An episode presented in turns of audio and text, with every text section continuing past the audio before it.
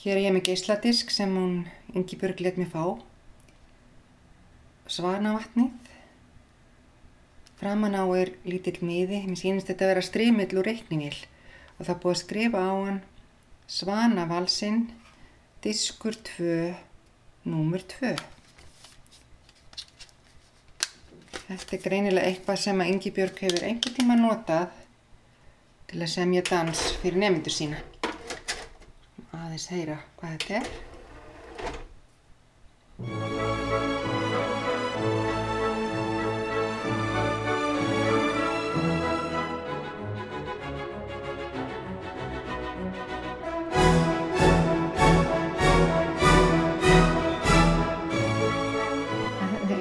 Þetta var æðislega gaman.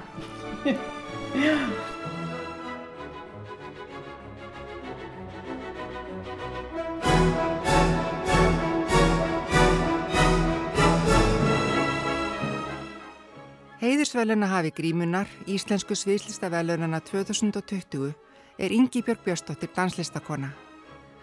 Verlaunin lítur hún fyrir ómetalent framlag til danslistarnar á Íslandi. Að því tilefni brá ég mér í heimsók til Ingi Björgar með nokkra spurningar í farteskinu. Það sem ég langaði mest að vita var þetta. Ingi Björg, hvernig dættir eiginlega í huga að gera listans að þínu æfistarau?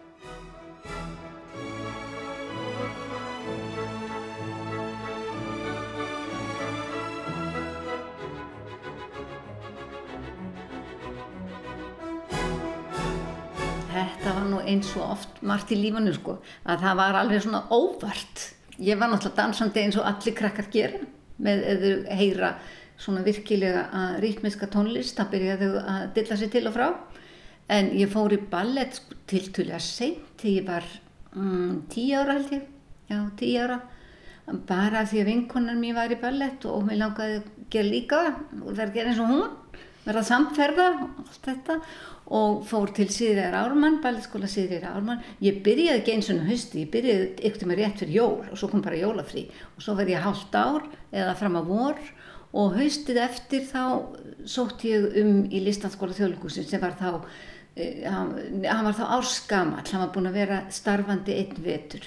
Erik Bíðstig kom hérna haustið 1952 og stopnaði skólan í oktober, setur síðan upp síningu í þjóðlugusinum eftir áramótin 53 og ég sá þessa síningu bara svona því ég hafði verið í ballett og fór í intökupróf um haustið og komst inn sem að ég var nú úrskup ánað með og svo hef ég nú alltaf til verið svona daldið svona sjálfstæð og ekkert verið að tala um hlutina þannig að ég kom heim eftir intökupróf með og saði við pappa og mömmu heyrði, ég sko fór hérna í intökupróf í listaskóla þjóðlugur sem við komst inn, er það allt í lægi?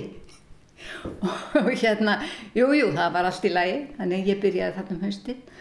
En nú, nú ert þú að alast upp í Reykjavík á svona eftirstýrsárunum. Jú, jú. Það var Reykjavík náttúrulega miklu minni heldur en er í dag. Einmitt. Var mikið um það að krakkar væru í dansi? Það var tölvert. Allega en það voru tvær vinkonur mínar í sama bekk og ég í Östubæðaskólan.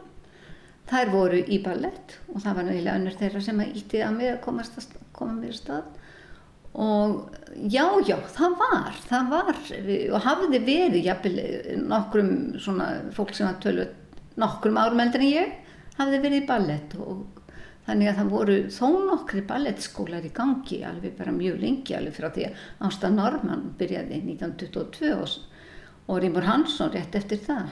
Þannig að það var heilmikið af dansi í gangi En, en nú sagður að þú hefur eiginlega bara svona ákveðið þetta sjálf Ég ákveði þetta bara í spýtur, já.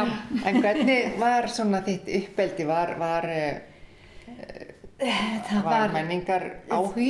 Já, já, það var tölvöðu menningar áhugi og það var hérna, pappi til dæmis var afkvæmlega músikalskur, mjög gaman á að fara tónleika og hans fjölskylda öll endur þar mjög margir tónlistamenn sem eru starfandi í dag, eru frændur mínur og frængur og uh, svo var ég á sumrin í, hjá föðusysteminni oft, þar var píján og hún spulaði mjög mikið og kendi á píján og mátti náttúrulega ekkert vera því að kenna mér, þannig ég var svona puð sjálf, sjálfstætt en það gekk náttúrulega mjög vel og var ekkert, duglega við það, þannig ég lærði aldrei á píján og lærði aldrei neina tónlist. Nei, en þú elst samt upp í mikla tónlist í kringum. Já, já, mjög mikla tónlist í kringum mig og mamma líka, hún var eh, sko hérna, hún er alveg upp í ömmu sinni og afa og ammennar var sýstir Sifúsars Einarssonar og þannig að hún var mjög mikið með í tónlist, svona tónlistar áhuga. Og þannig að það var, jú, jú, jú, það var farðamáliska síningar og svona eitt og þetta og í leikús Ég sá fyrstu síninguna af nýjársnóttinni, eða sem sagt fyrsta skiptjum sem hún setti upp til efni að, að stofnum þjóðlikursins og þó undarlegt megi nú virðast þá man ég ekkert eftir dönsónum í bara, það var bara leikúsið sem heitlaði mig. Hérna bara, eins og ég, þess að töfra leikúsið sem heitlaði mig.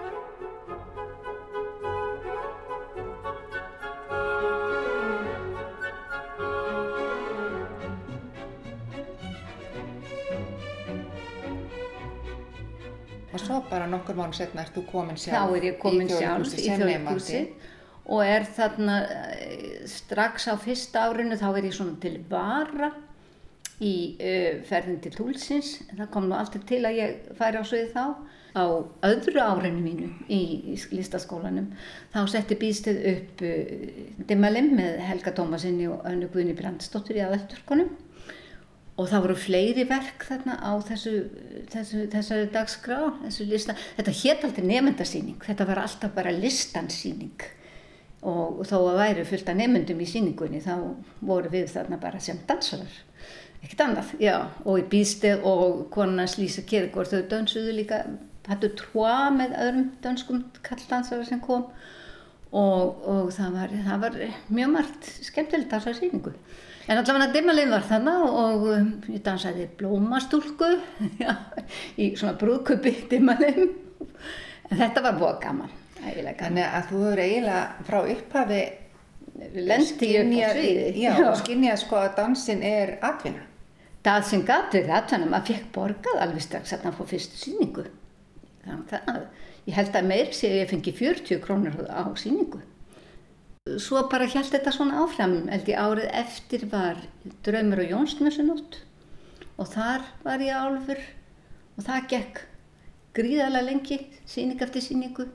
Það var rosalega gaman að vera og ég lærði Jóns, Draum og Jónsmessunótt utan að þegar krakkar eru á þessum árum þá bara síast þetta, þetta alveg inn og ég held ég kunni partaði ennþá leikrutinu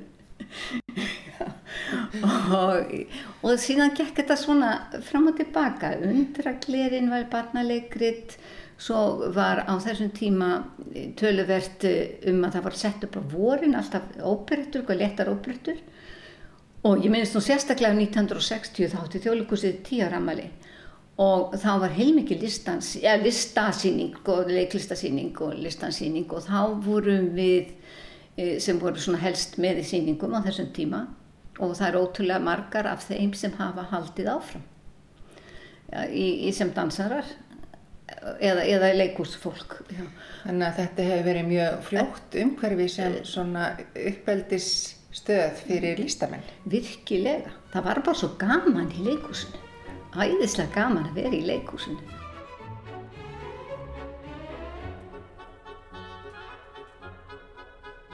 og þarna um vorið þá vorum við allavega með í, eh, við vorum dansarar í Seldubrúðinu, óperinu Seldubrúðinu, það var gestaleiku frá Prag en það var íslensku kór og íslenski dansarar og svo var dans í óperinu Rigoletto sem við tókum þátt í. Og svo kom Birgit Kullberg og sett upp verkið sitt frá Kjúlia með, með eh, skandinaviskum aðaldansurum dönskum eh, kallhlutverkinu og finskri í kvennhlutverkinu og hérna þetta var og þarna einhvern veginn kviknar eitthvað. Bara þetta vil ég gera. Og hvað ertu þá gömur? þá er ég eh, 16 ára, 17 ára 17 ára. Já, já. og þá fyrir þetta að verða svona alvöru. Þá fyrir þetta að verða virkilega alvöru. En áður hefði maður verið í hinum og þessum óperettum og söngleikjum alltaf á vorin, akkur þegar voru próf í skólanum. Það var sko frumsýning. Þegar var búið ennsku próf það var ennsku próf morgun eftir eitthvað svo leiðis einhvern veginn kem, kemur þarna þetta yfir og held ég bara við sem fórum í þessar sýningum bara fórum meira á minn allar í, í einhvers konar framhalsnám erlendis. Og sem er náttúrulega aðturnar En í skólanum, Já. var þetta þá aðalega ballett eða var, voru fleiri námskreimna? Nei, þetta var bara ballett. Býðsteð kendi engöngu klassískan ballett og ekkert annað.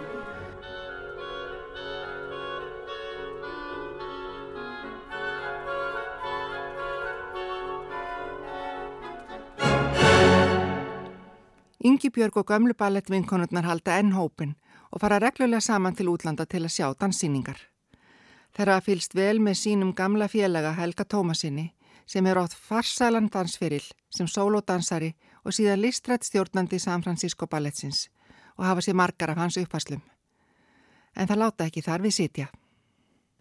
Þá ég sá mjög flotta nútímadans, dansaðan að dönsturum Bolsa í, í hérna Málsku. Og þegar að nútímadansin er dansað að svona opbóðslega góðum dansurum, þá fer, fer hann upp eitthvað allt annað stig. Það verður öðruvísi. Það, Hvena var þetta heldur við? það er svona þrjú ár síðan. Já, Já, já, já.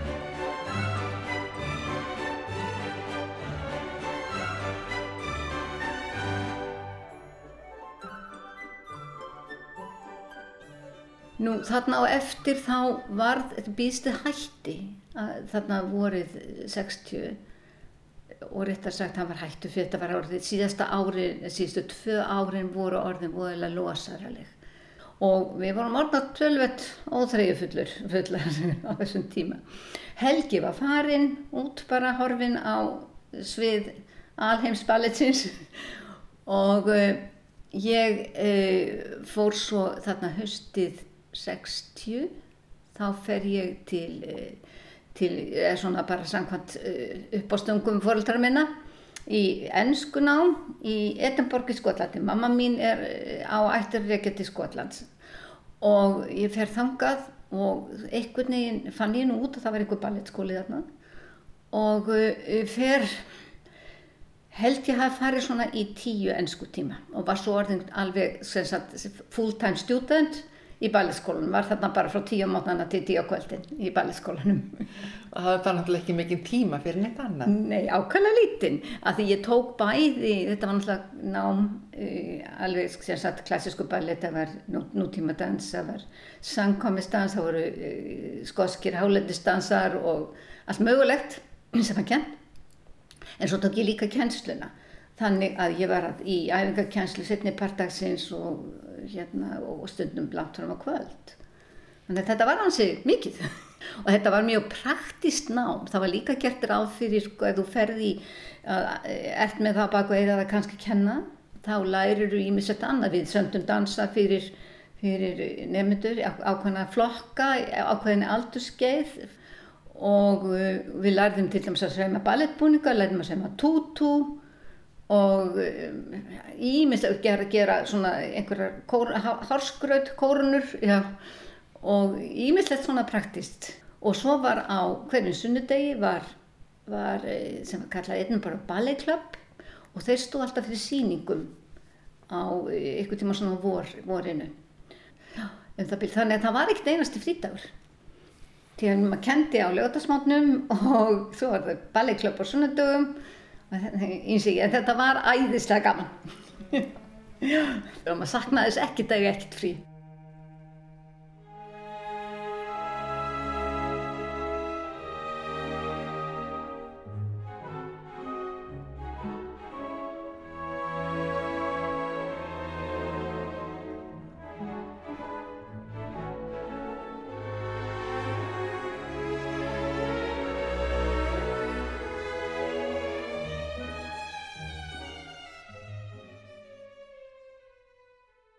Svo kemur þau heim og þá ertu um tvítugt. Já, þá er ég raunverulega bara strax gripin um leið og ég kem heim. Og verður bara að vinna hérna skurstu og sjá svo til hvað gerist. Og þá fer ég sem aðstofakennari, eða kennari, ekki bara aðstofakennari í Bæliðskóla Sigriðar Rálmann og svo hafði verið kennsla fyrir amrísk börn kepla klugulli og hún hefði nú verið svolítið gloppbót en allavega ég tók við henni og tvísar í viku fór ég í rútu svo er ég keflaði og tilbaka aftur kvöldi, sentum kvöldi. En svo árið eftir þá eh, hérna þingti minn frá henni frá Skustofu þjóðlíkusinu og spurt vil ég taka að mér að hjálpa til við listanskólan í þjóðlíkusinu og það var að koma ný ennsk kona uh, Fei Werner. Og ég var þarna aðstóð að kenna hjá Fei Werner í fjögur ár þannig að byrjuðu nefndarsýningar Já, þannig að Fei byrjar með svolítið annan stíl. Já, svolítið, já, hún er náttúrulega enska kerfið sem að eftir býðst sem var opbóðslega uh, svona inspirerandi kennari. Hann var alveg svona fullur af lífi og orgu og, og hérna og hann, let, hann kendi minni að dansa en tæknin máttu nú svona kannski aðeins sitja, sitja á hakanum smátt. Já, en hann hefur hugsað um að næra listamannin í heldur börnum. betur, heldur betur að næra listamannin og bara og fá þessa indislegu gleði af að dansa. Svo aftur kemur þetta enska kerfi og það er svo mikið, mikið þurrara. Það var ekki þetta, þessi, þetta líf og þessi gleði sem að var í, í hérna, Já, þannig til að byrja með. En allavega ég fer að semja þarna líka fyrir nefndasýningar hér hjá, hjá þegar að, þegar að fei fyrir að halda þér. Að hérna, svo náttúrulega gifti ég mig og eignast börn og allt þetta, trubla svolítið, batningnir, eiga það til. Hafið það mikil áhrif? Nei, nei, mjög lítil áhrif raunverulega því ég stoppaði ekkert svo mikið sko, ég gæti alltaf kent og ég væri komið svona 8,5 mánuða leið, allt í læg með það. Ég heyrði mér sér eins og ég var að kenna leiklistaskólanum, að strákarnir í leiklistaskólanum voru búin að draga um það sína milli hver ætlaði að fara með mig upp á fæðingadeildinu því ég myndi öruglega eiga batnið í bælistalunum ef enginn gerði það.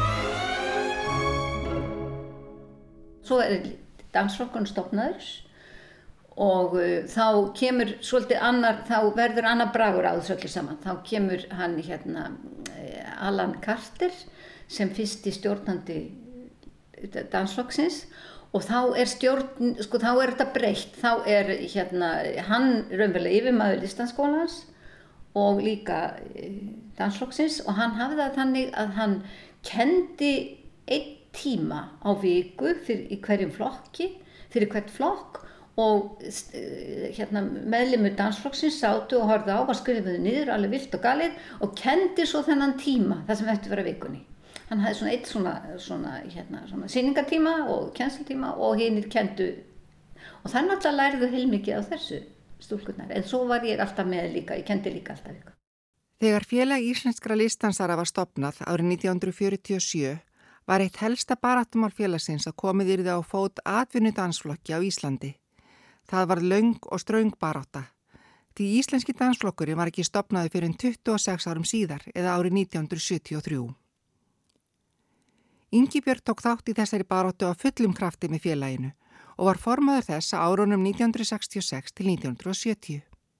Jú, jú, ég var það á tímabili, ég, þegar bara því ég kom heim frá, frá námi, elendis, þá lendi ég inn í félagsstörfunum, þá var, var Sigriður Ármann formaður félagsins og ég lendi inn í stjórn og síðan vildi hún ekki vera lengur, þannig að ég verð formaður 66 og er þarna í einhver tíma held ekki nema fjó, fjögur ár.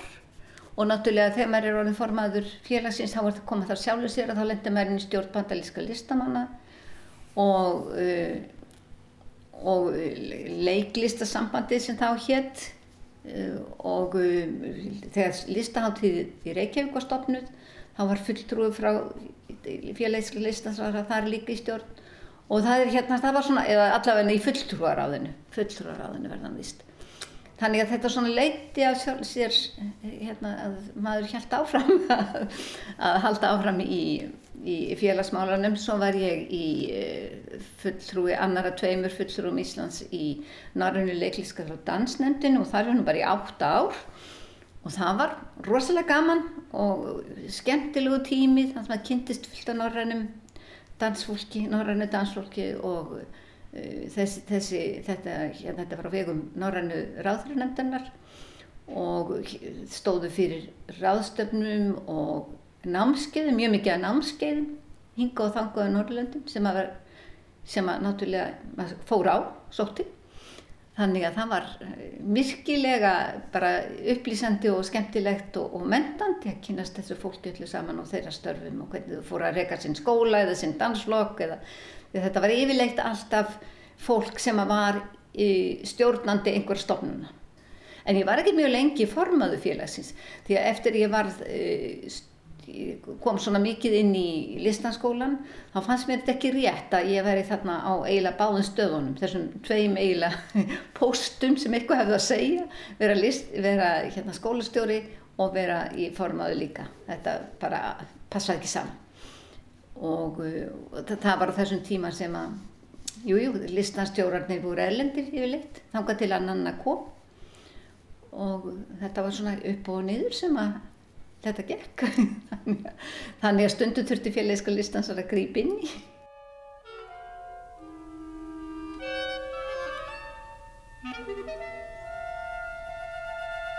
Þegar að þjóðleikúsið er opnað þá er það eiginlega bara fyrsta verkið að er ekki alveg nöðsynlegt að þjóðleikús hafi dansflokk. Og það var á þeim forsendum sem var haldið áfram að að nauða í þjóðleikursi og þjóðleikursráði að koma upp förstundansokk við húsið. Og það gekk nú svona upp og niður og aðalega niður, það gekk ekki neitt.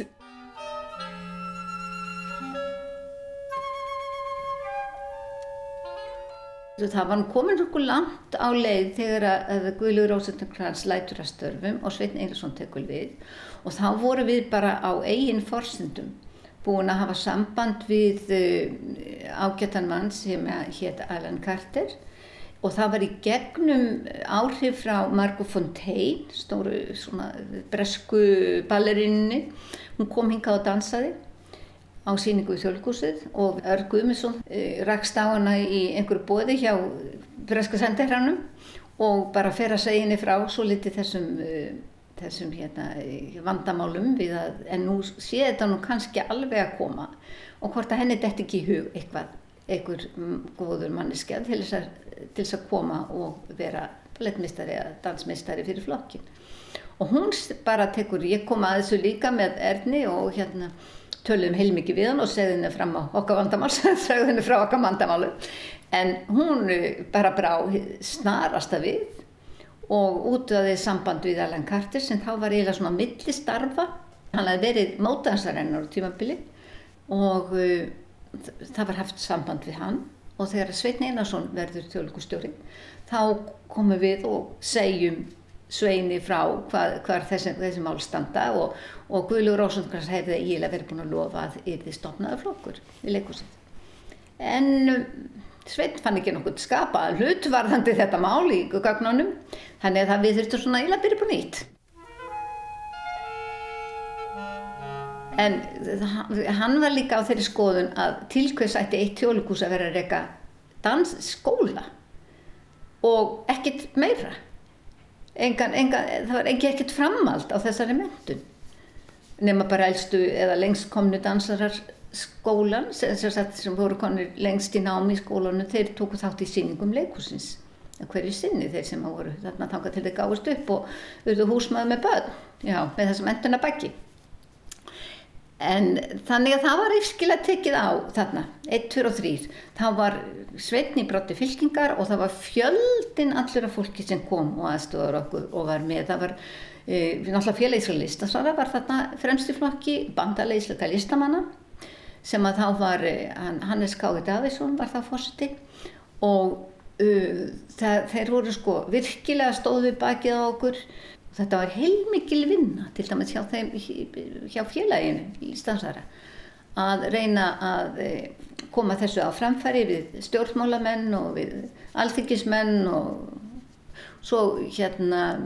fundum við út að það var töluverð jákvæður jákvæð stemning í mentamálaráðunutinu og þar var Magnús Torfi Ólason hérna, ráðherra þessum tíma og ráðherran var bara til að segja já og hann sagði bara já og þetta var stopnað.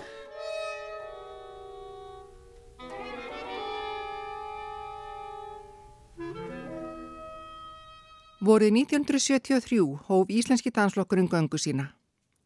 Hugmyndin var að flokkurum var í sjálfstæðstofnun með stuðningi þjóðleikúsins, mentamálaráðuneytis, mentamálaráðs og félagsheimilasjóðs og með aðsettur í félagsheimili Seltjarnanes.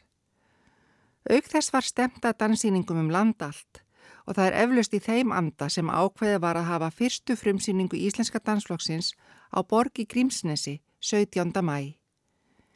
En skjótt skipiðust veður í lofti. En svo bara var nýðustafan svo að það, þetta gekk ekki. Já. Þetta var algjörlega, það komu mjög fáir áhörundur út á Seltendanes og endaði með því að flokkurinn lendi bara beint á herðið þjóðleikusins. Og var þar bara náttúrulega í, í góðum faðmið, hlýjum faðmið þjóðleikusins í fjölda ára.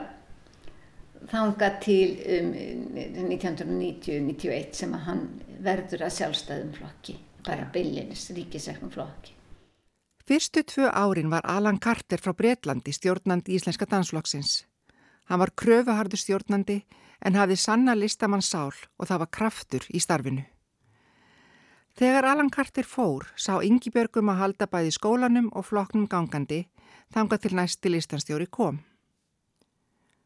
Nokkur losara bragur var á starfi flokksins næstu árin því hinga komi ymsi stjórnendur sem stöldruðu fremur stutt við. Það er á meðal Natalia Konjús frá Rúslandi.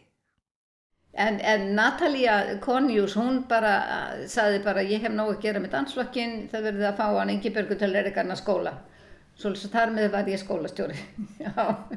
en ég tók þátt í síningunum sem með Natalia Konjús. Ég var, ég var aldrei í flokknum en e, ég dansaði með og í mörgu síningum, svona eðra fjölminna síningar, meiri síningar og, og sérstaklega var ég áraðin sérfræðingur að hlaupa inn í þegar einhver slasast eða myndi sig eitthvað svo leið sko.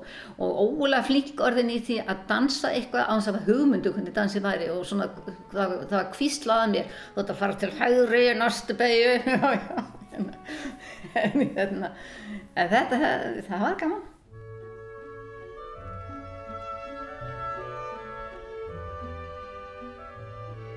og af því ég var svo oft sko aðstóðar, til dæmis hjá Natalíu Konjóns, aðstóða koreografis, eða aðstóð við hana sko þegar hún var að, hérna aðstóða maðurinnar, að þá var ég búin að, og það vantaði einhvern þennan, þetta, þessa æfingu í þetta hlutverk og þá bara fór ég inn í fyrir á æfingunni, þannig að ég kunni yfirleitt mjög mikið af þessu. Skólinn byrja ekki fyrir klukkan hálf fjögur eða fjögur á daginn, þannig og tímar dansflokksins voru upp úr hádeginu eða svo setna mér á mótnana og ég fór alltaf í dansflokkstímana þannig ég held mér alltaf í þjálfun.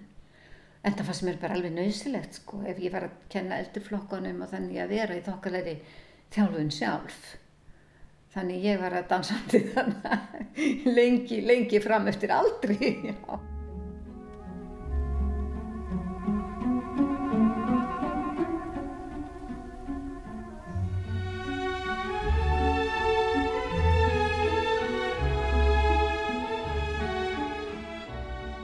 ég er nú alltaf með sviðskrækt, það sko. En hérna eh, en, og það er að erfitt upp á balans. Maður þarf eiginlega, ef það er einhver stað sem maður þarf að halda jafnvægi svolítið tíma þá er gott að það sé ekki alveg í byrjuninni á því sem maður er að gera inn á sviðinu, heldur maður sé svona aðeins búin að ná áttum og sjálfur sér á, svona í róliheit á þennum að fer að einbetta sér að jafnvæginu En þetta, þetta er allt, það er eitthvað við þetta að vera að dansa á sviðinu, það er bara eitthvað sem að gefa manna opbóslega fullnægingu, bara æðislega gaman. Þetta og þá bara, maður nýtur þess að hafa áhrundundar.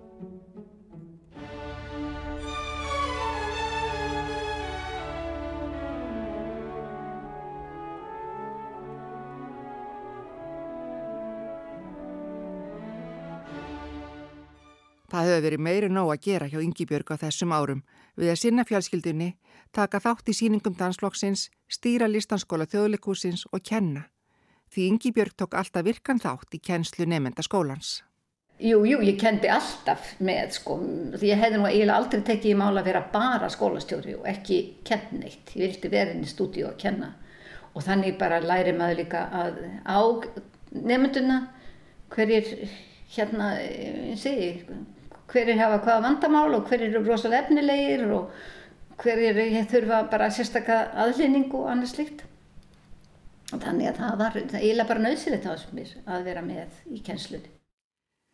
Meiri festa komst að starfsemi flokksins þegar Nanna Ólafstóttir tók við stjórninni árið 1980. Um svipað leiti verða síningar Íslenska dansflokksins hluti af áskriftarkorti þjóðleikhúsins og við tekur nokkuð glanstímabil í söguflokksins. Sveit Næmarsson tekur af skarið og setur dansflokkin eða eina síningu hjá dansflokkinu á ári inn á uh, áskriftarsíninga leikursins og á sama tíma er Nanna Ólastóttir árið listanstjóri og flokkur var raunverulega í fanta formi og þetta gerði opbóðslega mikið fyrir flokkin. Þarna eiginlega kefti fólk síðan á síningar og, og kom eða gaf einhverjum miðan að sína hvað hann var. Þannig að þarna fenguð mikið mikið fyrir síningar á hverju verki og þarna var hægt að hafa stór góð verk. Það var að fá þjónustu bæði frá leikmyndadeild og búningadeild og og góðan æfingatíma á sviðinu og fjölmennar síningar sem að gafi náttúrulega listanskóla nefnundum tækifæri til að vera með eins og í notubrjótnum og, og, og þyrnirós, neða við gerum ekki þyrnirós, öskubusku, öskubusku og, og fleiri þannig síningum sem var náttúrulega gríðarlega mikill fengur fyrir nefnundum að fá að vera með dansfloknum og kynast þessu æfingaferðlega allir saman. Mm sem að kom til og, og styrtiðu heilmikið. Það voru til dæmis þó nokkuð margar stúlkur í Sísel síningunni sem fengum þarna bara alveg algjörlega toppmann, Anton Dölin, til að koma og setja þetta á svið sem að fara svona stór stjarnar, hann alltaf var fullorið þarna en hafði verið stór stjarnar í dansheiminum og, og þekktu maður. Og með hann kom John Gilbin sem var mjög frægur breskur dansari, hann var aðstofamaður hans, yngri maður. Og ennþá hættur að dansa sem aðtunumæður en var í mjög, var hérna Ásís Magnúsdóttir fór maðalhutturkið og hann afiði með henni alveg hérna alla liftur og allt sko þángar til að aðal dansarinn kom. Og svo fengum við líka mjög góða dansara erlendis frá eins og hérna í Ís og Þís út af engu. Það var líka fjöldin allir af nefnundum í því. Það var um, Natalie Conjur sem að setti það á svið og tónlistinn var eftir rúsneskan höfund og gestadansari frá Moskvu eh, Mari Slepa sem var bara eina toppstjórnunum það var ægilega gaman að, að fá að hafa hann.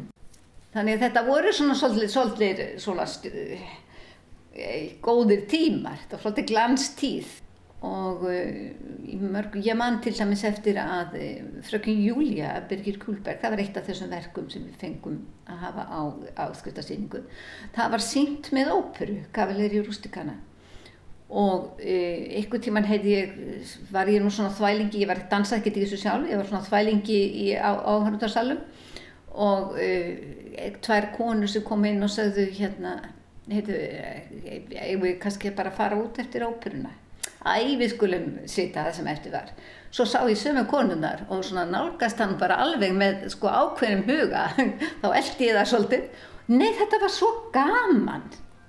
Heyrðið mikið verið fegin að við vorum kyrrar heyrðið ég sagt hann á leiðin út úr leikursinu þannig það opnaði auðvitað kannski margra fyrir að það var bara hægt að hafa verulega gaman af ballet njóta þess að horfa á þetta. En það er frökun Júli alveg frábært verk. Yndislegt verk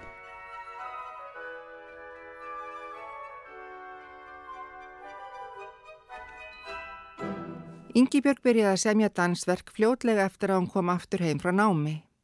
Hún var reglulegur dansöfundur hjá Íslenska dansfloknum og samti mörg verk fyrir haustsýningar flokksins. Alltaf hefði ekki bara svo fyrir daginn, það vantaði, vantaði verk og uh, það voru nokkur verk sem ég gerði svona sko við vorum með litla síningar á haustin, þrjú mismundi verk mjög oft og uh, þá gerði ég... Uh, eitt og, og Nanna Vlastóttur gerði annar og einhver þriði aðli gerði það þriði oft var það dansarnir sjálf sem að sömdu verk og uh, þannig gerði ég nokkur verk ef ég maður rétt Já.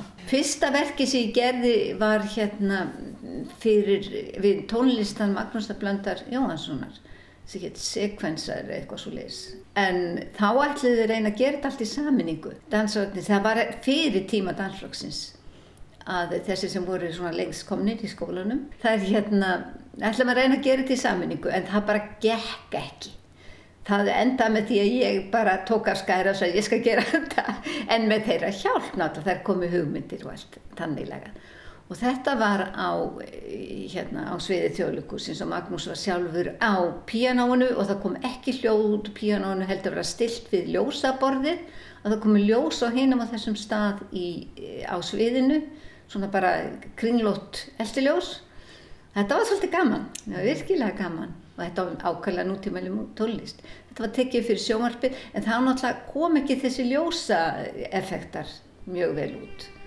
Var það kannski allt í svartkvítu það? það? Ég ætli það ekki, ég mamma bara, en það var þetta í svartkvítu. Þetta varu, hérna, búningarnir voru svona grá uh, silraðir og það var svona hettur, þetta var bara grátt, grátt verk en það var mjög spennand og gaman að glíma við þetta.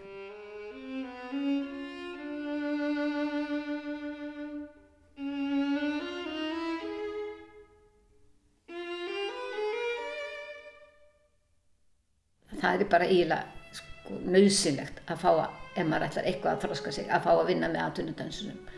Að vera með e, alltaf bara með börn og jafnvel þó að eldstu hóparnir væri orðnir góðir og þroskaðir og hægt að vinna mjög mikið með þeim og láta það gera mjög krefjandi verk, þá er allt annað að vinna með atvinnufólki. Það, það, það getur lagt svo mikið meira til málana og, og bara komið til skila hugmyndum sem að úlingarnir get ekki komið til skila.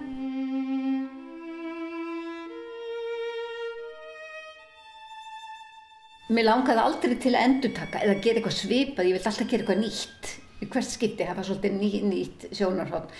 E, til dæmis e, sálumessa sem er svona mjög stíliserað í bara í e, svona galla, að þröngum galla allir og uh, næsta verk sem ég gerði var eftir 20 minna senkun sem var bara fólk sem býður á flugstöð bara í vennilugum fötum, drögtum og gjakkafötum og svo leiðis sem var alveg algjörlega álíkt og þannig ég, ég, ég vildi aldrei endur taka, mér fannst voða leiðild að vera að gera eitthvað svip og ég hafi gert síðast ég vildi hafa þetta allt öðruvísi helst og jafnvel svona stílinn og alla stemninguna allt öðruvísi ekki það að mér finnist skemmtilega betra að gera eitt heldur en eitthvað annað. Þetta var allt bara ný, nýjar tilrunir.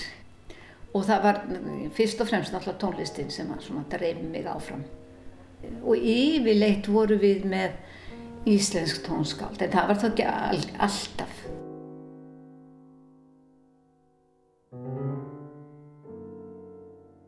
Svo náttúrulega samtíð töluvert fyrir bara leikúsið. Gerði dansa inn í bæði söngleiki og, og uh, óperur og hvað sem eru dansar og leikrit og þannig að uh, svona ég fekk ansi mörg tækifæri að nota alls konar stíla og, og svo aftur til dæmis núna síðasta sem ég gerði þarna í hörpunni uh, Ragnhildur það var náttúrulega þjóðdansar, það voru þjóðdansar bara byggðir á íslensku þjóðdansum að vísur gerðir tullut floknari heldur en þeir eru raun og veru en en það var algjörlega byggt á þjóðdösum. Þannig ég hef mjög, ég bara fyrir skólan sem ég hef gett í klassísku stíl.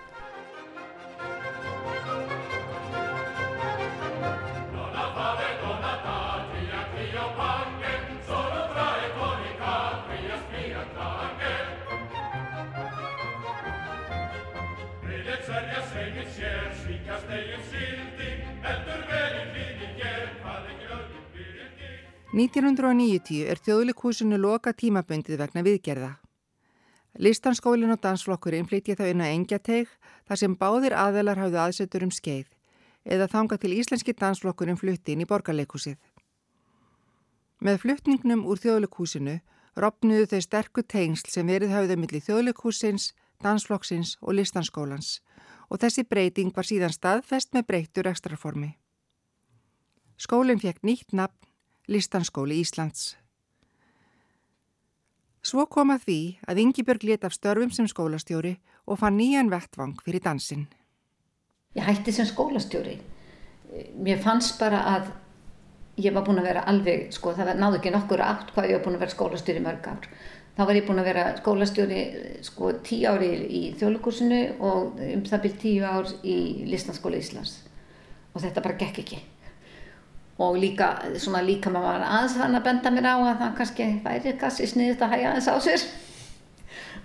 Og þá hætti ég bara alveg bæði að kenna og skjólast og fór í háskólan og fór í það sem alltaf langar til að fara í, fór í segfræði og bara var, ég hins í, ég var í háskólanum og skemmti mér upp á hvern einasta dag. Það var alveg þesslega gaman að vera í háskólanum. Það var ekki gaman að vera eftir nefandi Jú, það var agalega að vera að læra á nýjan, nýjan leik og, og, og eins og við höfum nú að tala saman svona fleiri fyrirvægandi dansari sem hafa farið í háskólanám og svo fer mér í próf og það er alveg eins og fara inn á svið nema, þú veist ekki hvað dans þú átt að dansa þegar þú kemur.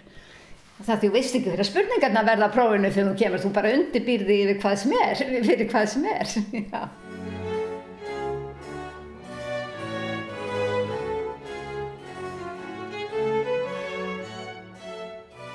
alltaf haft hennan sagfræði áhuga og áhuga fortíðinni. Og uh, uh, eina af þessum síningu sem voru sendar, settar upp í, í Edinborg á vegum Edinborg Ballet Club var uh, eiginlega fyrsti þáttur úr heilskvöldverki sem að uh, Marjorie Middleton samti um æfi Maríu Stewart skotadortningar og hann var það að sér saman músík svona í anda tíma, tíman sem þetta gerist á en svona með nútíma ífaði og stansarnir voru byggði meir og minna á þeim spórin sem voru notaður á þessum tíma á 16. öldinni og fram á, já, lók 16. aldarinnar og allt yfir kviknaði þessi gamla, gamli áhugi hjá mér að, að hvað var fólk að gera á þessum tíma, dansleika séð og það hefur eiginlega svona kviknað hjá mér, kviknaði svo hjá mér aftur það var nú eiginlega Helga Ingólstóttir sem að kvikti hann hjá mér aftur af því að við gerðum saman svona eh, prógram í, eh, á Kjærvalstöðum hún með sembalinn og ég og ég fekk fimm aðra dansara með mér og það var á síningu hans við ekki um. Þá fyrir ég svona aðeins að endurvekja þennan áhuga.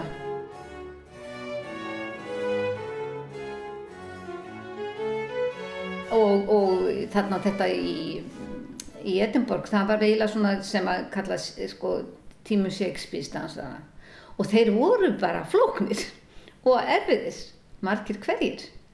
Og þegar maður horfir á búningarna getur maður ekki ímyndið sig hvernig fólk fyrir að þessu sko, með grínolínun og stóru raspúðana og þetta opbóslega stífa, stífa hérna, efri hlutan sem næði alveg niður fyrir nafla sko niður í, niður í hérna en þetta er allt hægt. Þetta er allt hægt. Þannig ég, ég fór eh, svona meira að snúa meira þessu. Ég fór á námskið, þó nokkur námskið sérstaklega út í Finnlandi því að á Gópjóháttíðin í Finnlandi er, var eina, eina svona bestu barokkennarunum að kenna þar frá, frá París. Og hérna þar svona held ég áfram að reyna að viðað mér tekkingu á þessu sviði og, og hef gert það áfram bæði miðaldadansana sem að náttúrulega tengjast einhver leiti íslensku þjóðdönsum. Og svo, eða tengjast alveg. Og svo barokkið er náttúrulega barokkdansarnir eru upphafið af klassiska balletinu þannig að þetta var mjög skemmtilegt að kynna sér hvernig þessi dansa og þar eru þarna koma fyrir sömu nöfnin og eru ennþá nótuð í, í, í ballettkjænslu fransku, franska nafna súpan þar í klassiska ballettinu.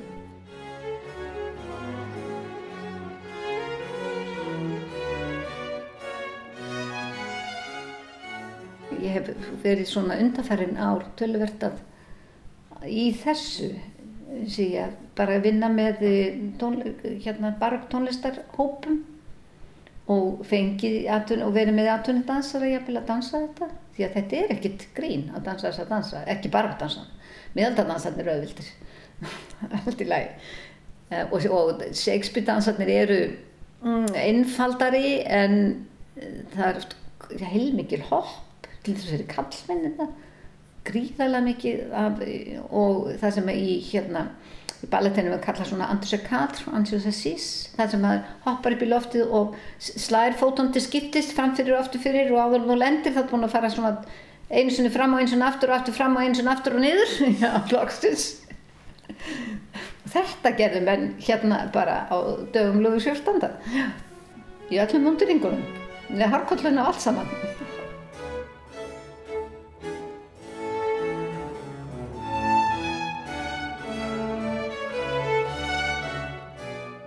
og mér finnst það múlega gaman að þessu og hef það sem ég hef síðast verið í danskið, ég hægt að kenna í, ég byrjaði aftur eftir ég hætti sakfræðinni, þá byrjaði ég, kláraði sakfræðina, þá byrjaði ég að kenna aftur, bara svona stundakenslu og ég hætti því, sko, því ég var 70 sem var orðið aðeins í langt síðan. Og hérna, og um, en, en hef verið að, að finna með danshópum og tónlistarhópum en ég og dönsurum að þessu. Og kendi svo smávís í listaháskólanum hér tónlistamennum þeir hefðu mjög gott að því að læra bergdansa. Það er bara svona skýrði ímislegt í kollinum á þeim varandi tónlistina. Bergdansarnir eru þeir eru op, þeir sem ma maður verður náttúrulega vera með orginal dansinn sko, uppskriftin af honum og kunna lesa, lesa það sem eru skrifað neyður og, og það er svona orðin svolítið flingi í þó ég segi sjálf frá. En þeir eru hérna þeir eru svo opbúslega nákvæmni með tónlistinni. Það er bara hver einasta lita blæbrið og hver einasta litla bara e, smáadrið í tónlistinni kemur fram í dansinu og svo var ég líka að kenna í leiklistadeildinni dansa frá tímu Shakespeare sem ekki eru, það eru bara sumir eru svona hirdansar frá tímu Shakespeare og svo eru bara almennistansarnir hérna ennsku sveitadansarnir sem eru bara ægilega skemmtilegir. Virkilega skemmtilegir og svona allt í hennu finnum maður út aha sko, þegar það voru konurna voru með, stúl, ungu stúlkurna varu með gæslu konur sko á ballinu eða einhverja gamla tantu eða eitthvað slíkt sem átti að passa upp á þar hvað þessi dansar gáfu möguleika á alls konar svona dadri og e, slíkum öggotum sko þannig að það opnast opna manni nýr heimur. Þess að þessari stúlnar sem ekki máttu frjálstöðu strjúka. Og það var gaman að kenna leikurunum þetta því að þeir voru svo frjóir sko, látt sér þetta ímislegt í hug.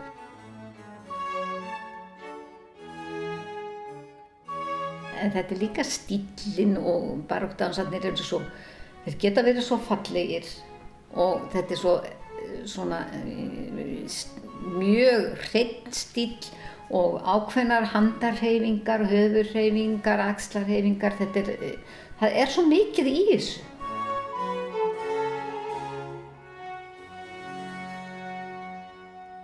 Ingi Björg hefur hlotið margvíslega viðurkenninga fyrir störf sín.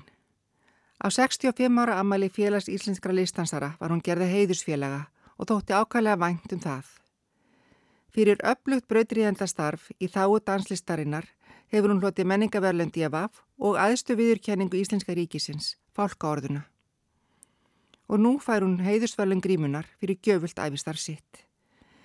Það er því ljóst að margir eiga Yngibjörgu mikið að þakka. En hvað finnst Yngibjörgu sjálfri þegar hún lítur yfir farin veg? Mér finnst ég bara ekki það að vera að gera neitt merkilegt, bara að gera það sem ég hef gaman af að gera og, og hérna bara það sem að þurft að gera oft bara þessu nöðsinn krafið að einhver gerði og þá segja ok, ég skal gera þetta Mér finnst ólega gaman að semja hvernig þessi niðurstaðan verður nú á endanum. Þá hef ég sko vinnan við það aðdragandin að því og undirbúningun og allt það finnst mér mjög skemmtilegur. En það finnst mér líka í sambandi við kennslu.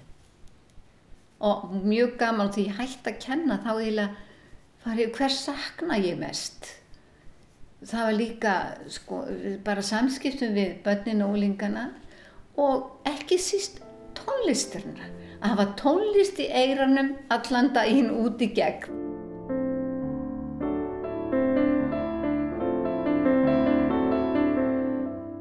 Ingi Björg er enn spræk sem lækur. Stundum þegar það kemur gott lag í útvarpinu dansar hún eins og andin blæsinni brjóst á stundina í stofinni heima hjá sér og það er aldrei að vita nema við eigum enn eftir að sjá hann að taka sporið á fjölum leikursins.